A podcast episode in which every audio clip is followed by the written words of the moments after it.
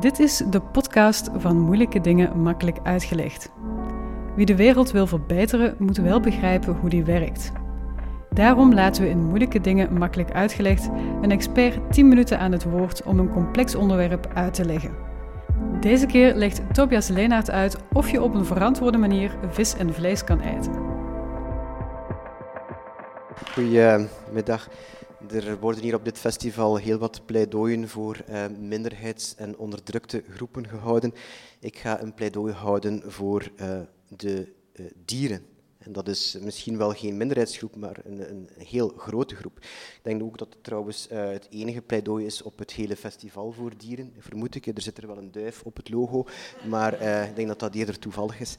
Ehm, Misschien toch even beginnen bij uh, het aspect milieu. Hè. Uh, en als we kijken naar de vraag van kun je op een verantwoorde manier vlees of vis eten, als je dat bekijkt vanuit de milieuhoek, milieu gezien, uh, of milieugewijs, um, als je kijkt naar de milieuproblemen, de grote milieuproblemen in de wereld, dan is dierlijke uh, voeding of veeteelt verantwoordelijk, of in staat die in de top drie voor al die grote uh, milieuproblemen. Dus dat is de belangrijkste oorzaak voor het verlies aan biodiversiteit, verantwoordelijk voor 80% van de ontbossing, 15% van de broeikasgasuitstoot.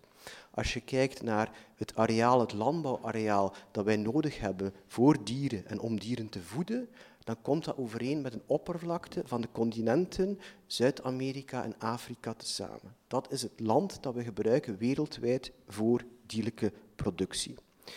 Nu, als je iets wil doen voor het milieu met je voeding, dan is het beste dat je kan doen minder dierlijke producten eten. Wil dat zeggen dat je milieugewijs niet op een verantwoorde manier vlees of vis kunt eten? Denk dat niet. Ik denk met beperkte of in beperkte mate dierlijke producten eten, dat dat nog altijd oké kan zijn voor het milieu. Hetzelfde voor de gezondheid. Het is pas wanneer je bij het onderwerp dieren komt dat het uh, een stuk ingewikkelder en, problematischer wordt. Je kunt, denk ik, uh, drie visies onderscheiden als je nadenkt over het eten van dieren. De eerste visie is, of de eerste houding is, je mag met dieren doen wat je wil. Ik denk dat er heel weinig mensen zijn die dat denken. Je mocht er gelijk wat mee doen, maar dat in de praktijk eigenlijk daar bijna op neerkomt. Als er aliens zouden zijn, goedaardige aliens, die naar de behandeling van dieren door mensen zouden kijken, dan zouden die daar kunnen uit afleiden van die mensen moeten waarschijnlijk denken dat dat objecten zijn die niet voelen. Ja. De tweede uh, manier om ernaar te kijken is te zeggen, je mag dieren überhaupt niet gebruiken en ze ook niet doden kan dat op verschillende manieren rechtvaardigen, bijvoorbeeld vanuit een rechtenethiek, zeggen van dieren hebben het recht om niet gebruikt te worden, het recht om vrij te zijn, het recht om niet opgegeten te worden, om niet gedood te worden. Je kan het ook rechtvaardigen vanuit een afwegen van belangen. Welke belangen staan er tegenover elkaar? Je hebt het belang van het dier rond zijn leven, rond niet lijden.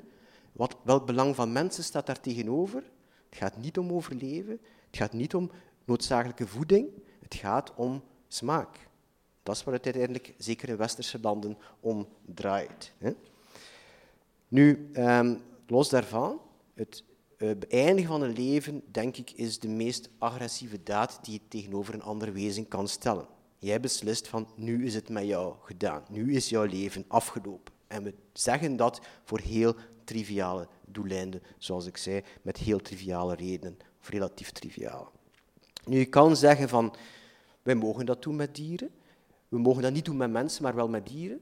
ik zou zeggen, elke keer als je zegt van je mag iets met dieren doen dat je niet met mensen mag doen, dan moet je kijken van waarom. Waarom mag je het niet met mensen, met, met doen, niet met mensen doen, maar wel met dieren of omgekeerd?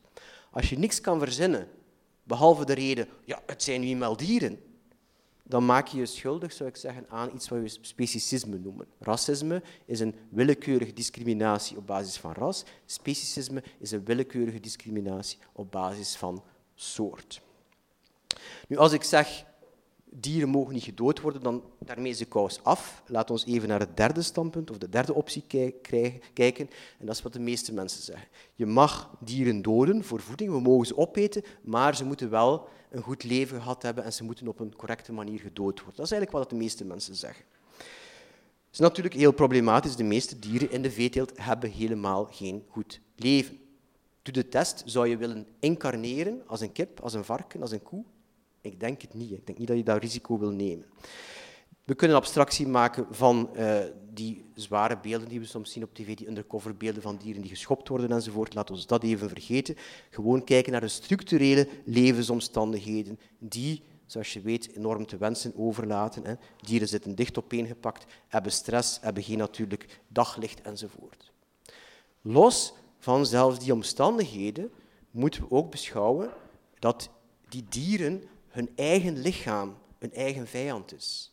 Dieren zijn zo gekweekt, zijn zo gekruist enzovoort, dat zij um, zo snel mogelijk, zo groot mogelijk worden. Want elke dag dat ze langer leven, kosten ze meer aan de producent en aan de consument. Vandaar moeten ze eigenlijk zo snel mogelijk groot worden en dat zorgt voor allerlei problemen, zoals bijvoorbeeld kippen die zodanig zwaar worden dat ze niet meer op hun eigen poten kunnen staan. Ja? Miljoenen dieren, een ander structureel probleem, die slecht of niet verdoofd worden en levend geslacht worden. Dus die goede dood die bestaat eigenlijk ook voor vele dieren niet.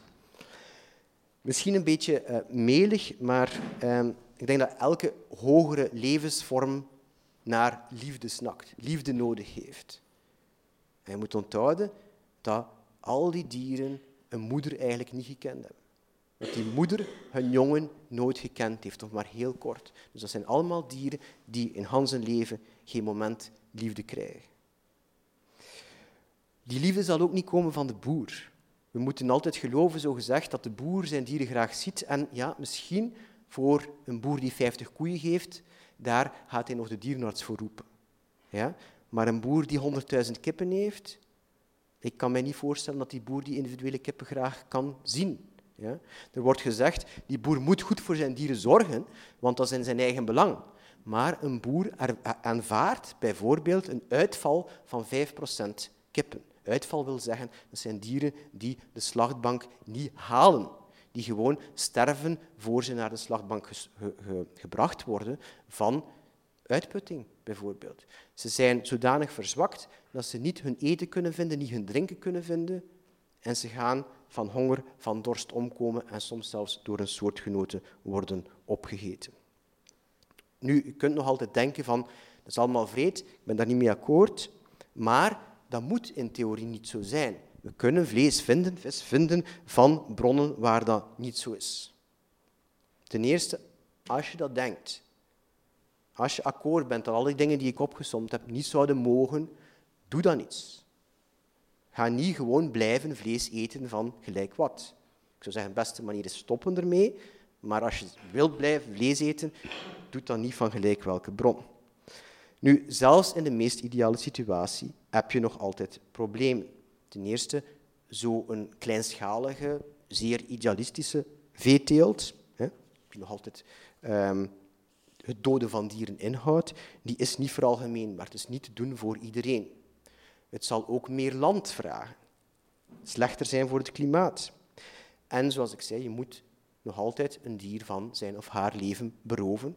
En paradoxaal genoeg, hoe beter dat je dat leven van die dieren maakt, hoe meer belang dat dier het heeft om te blijven leven. Ja? Goed, om te stoppen, om te eindigen de vraag of iets verantwoord is, moeten we eh, verder bekijken in het licht van twee andere dingen. Ten eerste, welke waarden vinden wij als mensen belangrijk? Ik denk dat wij waarden belangrijk vinden als veiligheid, rechtvaardigheid, gelijkheid, het vermijden van pijn enzovoort.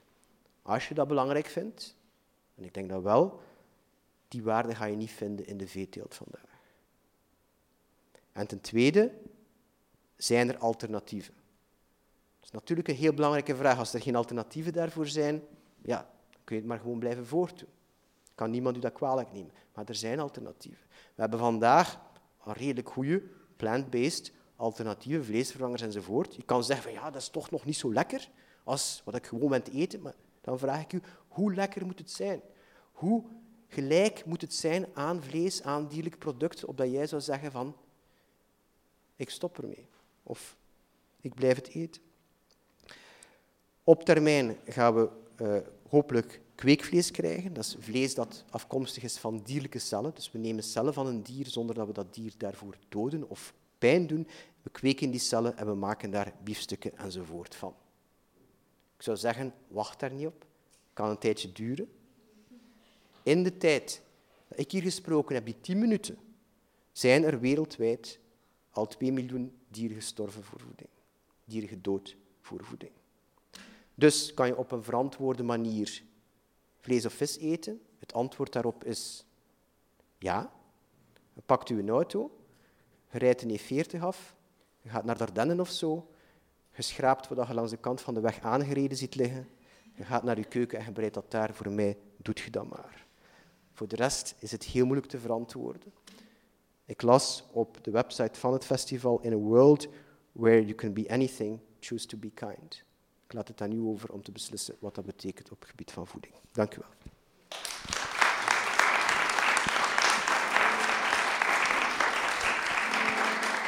Je luisterde naar Moeilijke Dingen Makkelijk Uitgelegd. Mijn naam is Selma Fransen en samen met Curieus en Mo organiseer ik deze evenementenreeks. Deze podcast werd opgenomen tijdens het Festival van de Gelijkheid 2022. Wil je graag reageren of een evenement bijwonen? Kijk dan op de Facebookpagina van Moeilijke Dingen Makkelijk Uitgelegd.